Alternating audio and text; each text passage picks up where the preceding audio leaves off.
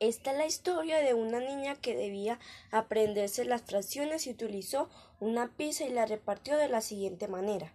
Ella cogió una pizza y la partió en seis rebanadas y se comió cuatro, entonces quedaron cuatro cestos de pizza restante y lo que se comió fueron dos cestos porque cogió dos pedacitos de la pizza.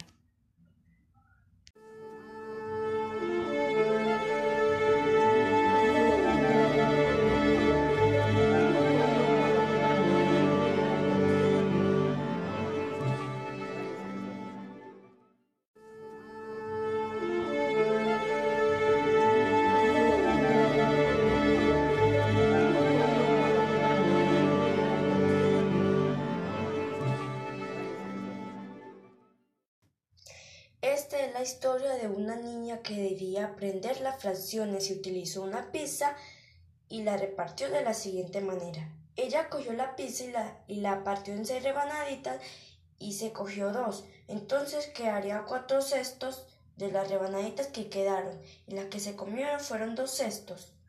Este cuento se llama Las fracciones. Esta historia de una niña que debía aprenderse las fracciones y utilizó una pizza y la repartió de la siguiente manera. Cogió la pizza y la partió en seis pedazos y se, y, se comió dos. Quedaron cuatro cestos restantes y serían dos cestos de pizza que ella se comió.